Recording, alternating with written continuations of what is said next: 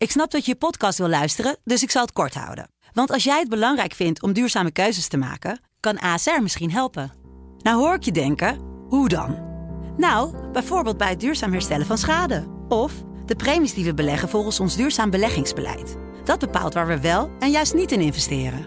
Wil je meer weten over welke duurzame keuzes ASR maakt? Ga dan naar asr.nl/slash duurzame keuzes. ASR doet het. Zo, dan kan je nu lekker naar je podcast luisteren. We gaan deze week verder met het ontvoeringsverhaal van Colleen Stan. Deze 21-jarige Amerikaanse vrouw is tijdens het liften bij een verknipt gezin ingestapt en gaat een vreselijke tijd tegemoet. Dit verhaal bevat schokkende fragmenten over seksueel misbruik, marteling en claustrofobie. Als je jonger bent dan 18 jaar of gevoelig bent voor deze details, dan adviseren we je om deze aflevering over te slaan. Je luistert naar Ontvoerd de podcast. Ik ben Kevin van den Berg en ik zit hier samen met Maya Noordam. Iedere week duiken we in een schrikbarende ontvoeringszaak die wereldwijd voor opschudding heeft gezorgd.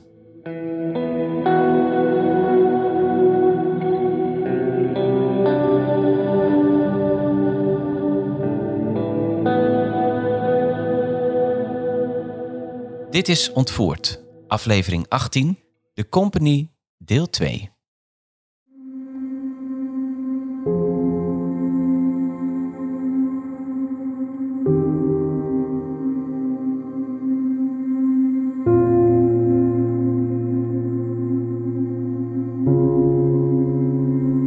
Vorige aflevering hoorde je over het eerste deel van dit bizarre verhaal. We vatten het kort voor je samen en gaan terug naar 19 mei 1977. Colleen Stan is als 21-jarige vrouw aan het liften op weg naar de verjaardag van een goede vriendin. Ze reist van Eugene, Oregon naar Californië, een tocht van 1200 kilometer.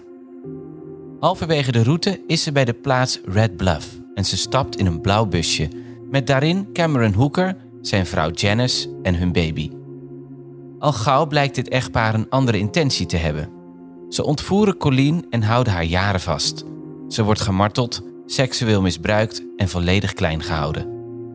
Zo wordt ze met een houten box om haar hoofd naakt opgehangen en geslagen. Ze krijgt zweepslagen en wordt 23 uur per dag in een soort doodskist opgesloten. Ze krijgt weinig te eten en beperkt daglicht of frisse lucht. De hoekers overtuigen haar van de Company, een niet bestaande organisatie die slaven koopt en verkoopt. Als Colleen probeert te ontsnappen, dan zal de company haar vinden en martelen en wordt ook haar familie gemarteld. We zijn drie jaar verder. Ze wonen in een staakerven en er is een tweede baby geboren. Colleen is volledig in de greep van de company en durft met de vrijheden die ze krijgt niet te ontsnappen. Er is weer contact met haar ouders. En Hooker en Colleen gaan zelfs samen bij hen op bezoek. Maar Colleen durft niet te zeggen dat ze nog altijd in gevaar is. We gaan verder met het ontvoeringsverhaal.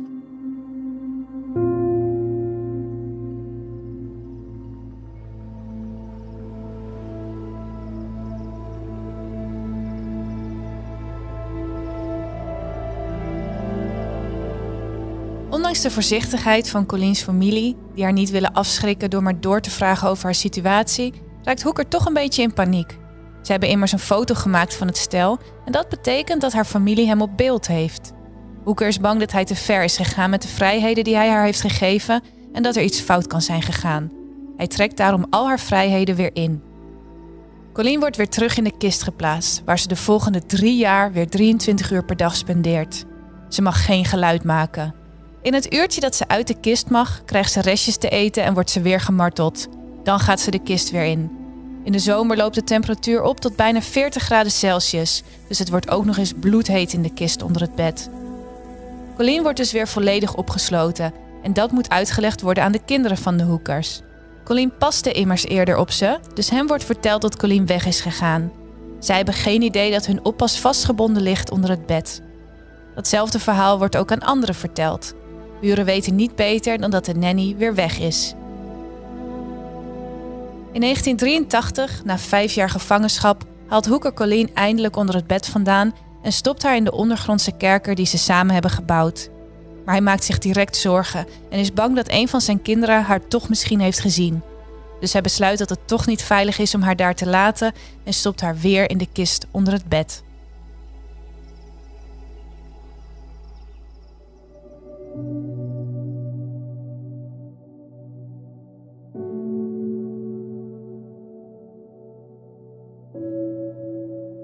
Een paar maanden later ontspant Hoeker weer een beetje. Colleen is nooit weggelopen, terwijl ze daar volop de gelegenheid voor had. Dus hij voelt zich weer wat zelfverzekerder en geeft haar meer vrijheid. S'avonds laat hij haar daarom uit de kist en bindt haar vast aan de wc. Het is niet veel, maar het is wel meer vrijheid dan de isolatie in de kist onder het bed. Ook laat hij Colleen werken als kamermeisje in een hotel. Hij neemt haar salaris wederom in beslag en verdient dus zelfs geld aan haar. Ze krijgt nu wel 20 dollar zakgeld, dus heeft een klein beetje geld voor zichzelf. Hoeker besluit om Colleen opnieuw kennis te laten maken met zijn kinderen en vindt het ook weer goed dat ze gezien wordt door de buren. Colleen wordt op deze manier weer wat meer onderdeel van hun dagelijkse leven. Ze brengt geld in het laadje en past op de kinderen. Ondertussen is Hoeker er zo van overtuigd dat Colleen uitsluitend doet wat hij zegt, dat hij niet langer bang is voor wat er kan gebeuren als hij haar vrijlaat. Er lijkt geen smetje aan de lucht voor Hoeker, maar er komt toch een breekpunt in de situatie. En dat heeft alles te maken met Janice, de vrouw van Hoeker. In de vorige aflevering leerden we dat zij een duidelijke grens had getrokken. Hoeker mocht Colleen niet penetreren tijdens de seksuele mishandeling. Daar houdt hij zich al lang niet meer aan. Maar nu vertelt hij zijn vrouw ook nog eens dat hij van Colleen zijn seksvrouw wil maken. Hij wil haar eigenlijk promoten van seksslaaf naar seksvrouw. Dat is heel erg pijnlijk voor Janice. Ook heeft hij trio's met de vrouwen en daar is Janice al helemaal niet blij mee. Hoeker gebruikt God dit keer om zijn zin te krijgen en zegt dat de Bijbel zegt dat Janice zich moet onderwerpen aan haar man. Anders gaat ze naar de hel. Op deze manier manipuleert Hoeker ook zijn eigen vrouw en eist hij zelfs dat hij meer seksslaven krijgt voor in zijn kerker.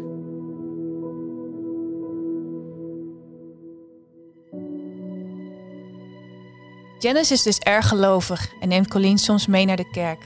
Daar krijgt Janice echt last van de hele situatie en ze besluit dat ze er iets over moet zeggen. Ze vertelt aan de pastoor over de situatie met Colleen en die zegt dat ze Colleen moet laten gaan en de politie moet bellen. En wel nu.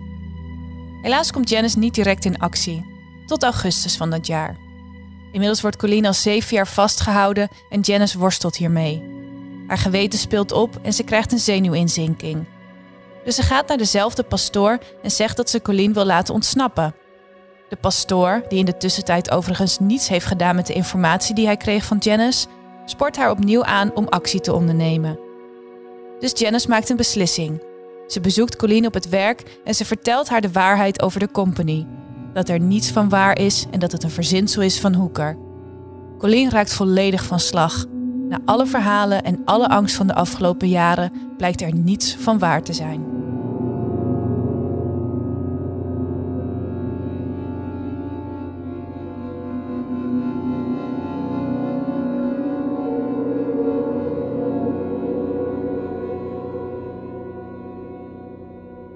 Ze realiseert zich op dat moment dat ze geen gevangene hoeft te zijn. Er is al die tijd tegen haar gelogen.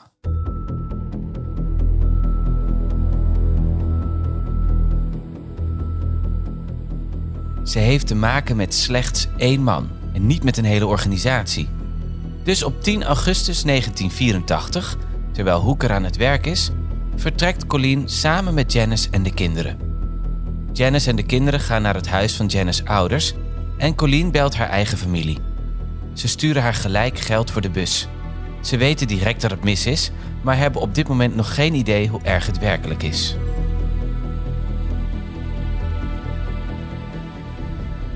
Colleen belt Hoeker vanuit de bus en vertelt hem dat ze bij hem weggaat. De man, die geloofde dat hij volledige controle had over de situatie, realiseert zich opeens dat Colleen niet van hem houdt en niet zijn vrouw wil worden. Ze haat hem en ze walgt van hem. Ze deed alles alleen om haar familie te beschermen. Hij barst in tranen uit. Wanneer Colleen thuiskomt, gaat ze niet direct naar de politie met haar verhaal. Ze wil Hoeker op verzoek van Janice namelijk de kans geven om te veranderen. Colleen is in de war. Ze haat Hoeker, maar heeft ook te maken met gevoelens die de afgelopen zeven jaar zijn ontstaan. Haar is constant verteld dat ze dankbaar moest zijn en dat heeft effect gehad op haar emoties. Colleen blijft zelfs telefonisch en per brieven in contact met Hoeker. Haar familie wordt gek en doet wanhopige pogingen om haar naar de politie te laten gaan. Maar Colleen houdt vol. Ze is zeven jaar vastgehouden en wil het zo snel mogelijk achter zich laten. Ze heeft duidelijk te maken met het bekende Stockholm-syndroom, waarbij slachtoffers liefdevolle gevoelens ontwikkelen voor hun ontvoerder.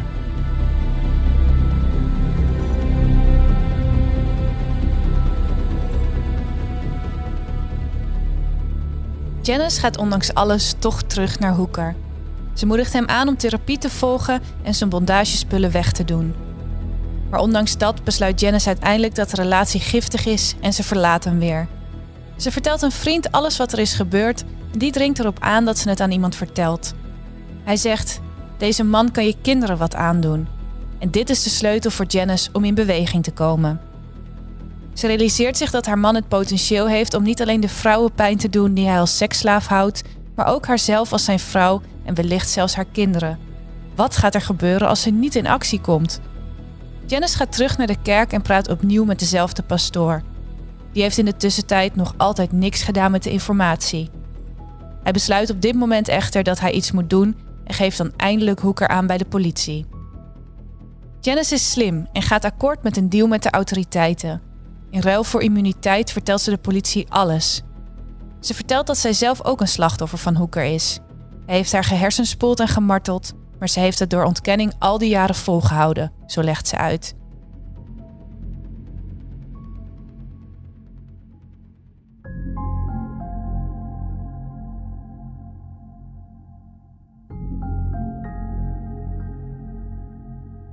Janice en Hooker ontmoetten elkaar toen Janice pas 16 jaar oud was. Hooker leek een lieve, leuke man en de twee werden al snel verliefd en trouwden twee jaar later. Rond dat moment realiseerde Janice zich dat het toch niet allemaal roze geur en maneschijn was. De man met wie ze was getrouwd bleek toch niet zo aardig te zijn als ze dacht. Ze kwam erachter dat hij heftige seksuele fantasieën had en een sadist was. Hij nam haar op een dag mee het bos in, hing haar bij haar polsen op aan de bomen en sloeg haar met een zweep. Ze onderging zijn driften zo lang mogelijk tot ze niet langer kon. Toen zei ze tegen hem dat het echt niet meer ging.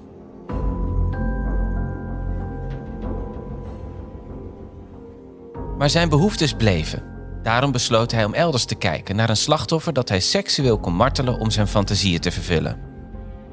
Janice vertelt dat Colleen met dat doel was ontvoerd en de afgelopen zeven jaar als seksslaaf was gehouden. Maar Janice deelt meer dan dat. Ze vertelt dat Colleen niet de enige is die Hoeker heeft ontvoerd en beweert dat hij verantwoordelijk is voor de ontvoering en de moord op een 18-jarig meisje. Dit gebeurde allemaal zo'n 16 maanden voordat ze Colleen ontvoerde. Janice zegt dat ze het rijbewijs van het meisje heeft gezien en dat haar naam Marie was.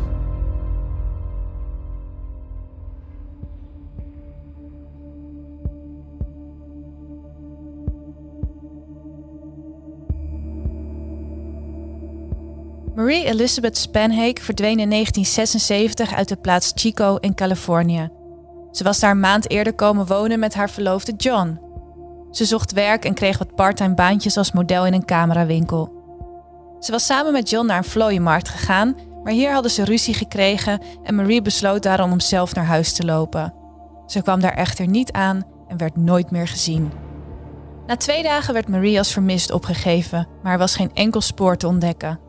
Al haar kleren en bezittingen waren nog in hun appartement, dus de politie wist dat ze niet simpelweg John had verlaten. Het was echt een mysterie. Op meerdere momenten na haar verdwijning kreeg John telefoontjes. Hij hoorde niets aan de andere kant van de lijn en na een tijdje werd er dan gewoon opgehangen. Logischerwijs was John zelf ook tijdelijk verdachte, maar hij ontkende vanaf het begin enige betrokkenheid in de zaak. Hij onderging een leugendetectortest en slaagde hiervoor. John had er dus niets mee te maken, maar dat betekende ook dat er geen enkel ander spoor was dat naar Marie zou kunnen leiden. De verdwijning werd een cold case.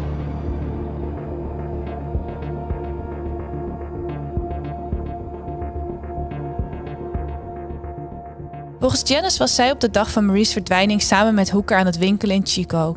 Ze zagen Marie rond vier uur naar huis lopen en gaven haar een lift. Ze brachten haar zelfs helemaal naar huis en stopten om haar uit te laten stappen. Maar dit was het punt waarop Hooker van gedachten veranderde. Hij pakte Marie's pols en sleepte haar terug in de auto en reed snel weg. Ook Marie werd gedwongen om de hoofdbox op te zetten.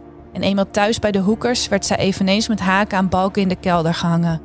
Janice vertelt dat zij zelf in shock op de bank ging zitten en niet kon geloven wat er gaande was.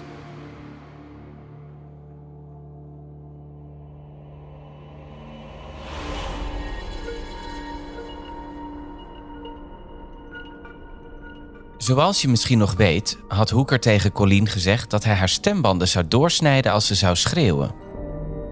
Volgens Janice heeft hij dit bij Marie ook echt gedaan. Marie hing naakt aan de balken in de kelder en Hoeker besloot om haar stembanden door te snijden. Maar dat mislukte. Om het bloeden te stoppen moest hij een handdoek halen. Ondertussen probeerde Marie iets te zeggen, maar dat lukte niet door de wond. Dus Hoeker pakte pen en papier, waarop Marie schreef dat ze hem alles zou geven wat hij wilde als hij haar liet gaan. Niet lang daarna kwam hij in paniek naar boven en vertelde aan Janice dat hij Marie had vermoord. Hij had haar twee keer in haar buik geschoten met een luchtbuks. Het moest een vorm van marteling zijn, maar het ging mis. En Hoeker besloot om Marie vervolgens te wurgen.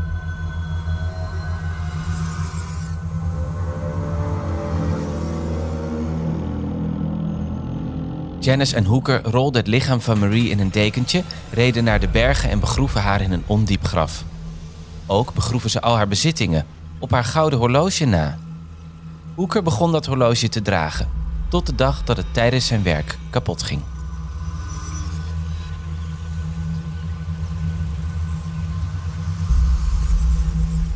De politie kan het verhaal van Janice niet officieel bevestigen, want zoektochten naar het lichaam van Marie leveren niets op. Het is natuurlijk wel heel opvallend dat Colleen een foto van Marie onder het bed van Hoeker had gevonden. Hoeker is inmiddels wel gearresteerd en ontkent het hele verhaal. Er volgen dan ook geen aanklachten in de zaak van Marie. Wel wordt Hoeker aangeklaagd voor ontvoering, vrijheidsberoving en seksueel misbruik van Colleen. Er is overweldigend veel bewijs. Het zou dan ook logisch zijn dat Hoeker een deal sluit met de autoriteiten, maar hij blijft stellig ontkennen. Ondanks het feit dat zowel Janice als Colleen tegen hem willen getuigen. In de rechtszaak is Colleen heel vlak en niet emotioneel. Ze beschrijft op die manier haar zevenjarige marteling. Ze vertelt over de company, de kist onder het bed en de hersenspoeling.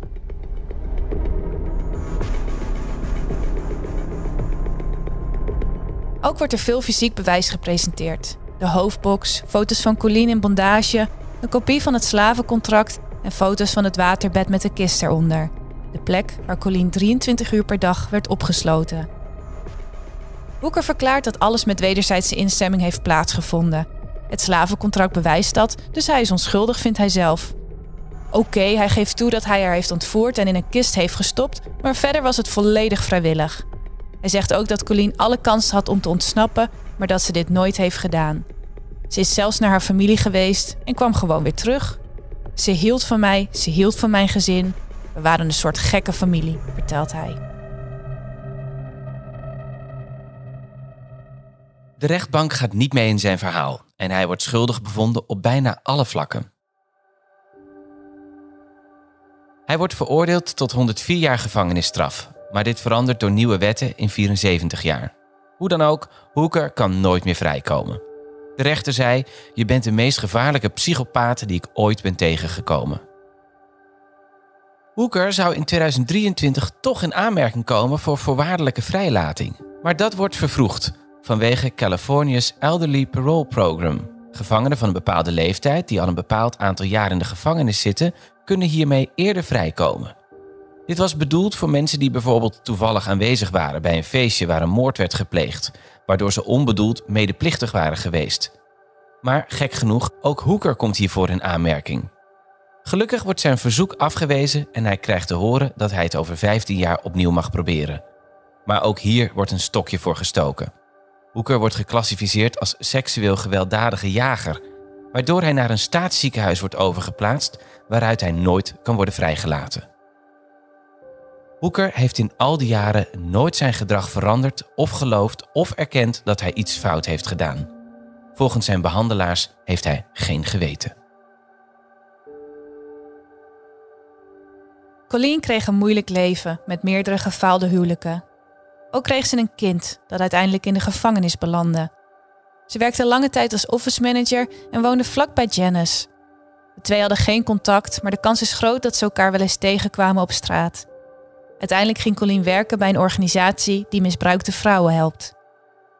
Janice veranderde haar naam direct na de gebeurtenissen. In 1998 werd ze sociaal werker en ze stelt haar leven in het teken van het helpen van mensen die dat nodig hebben.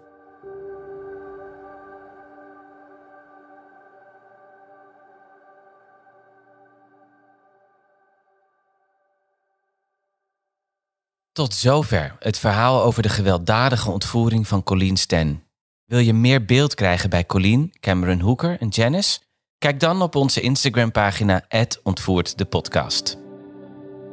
Volgende week hoor je het verhaal van de tienjarige vriendinnen Holly en Jessica die spoorloos raakten nadat ze op pad gingen om snoep te kopen. Tot dan.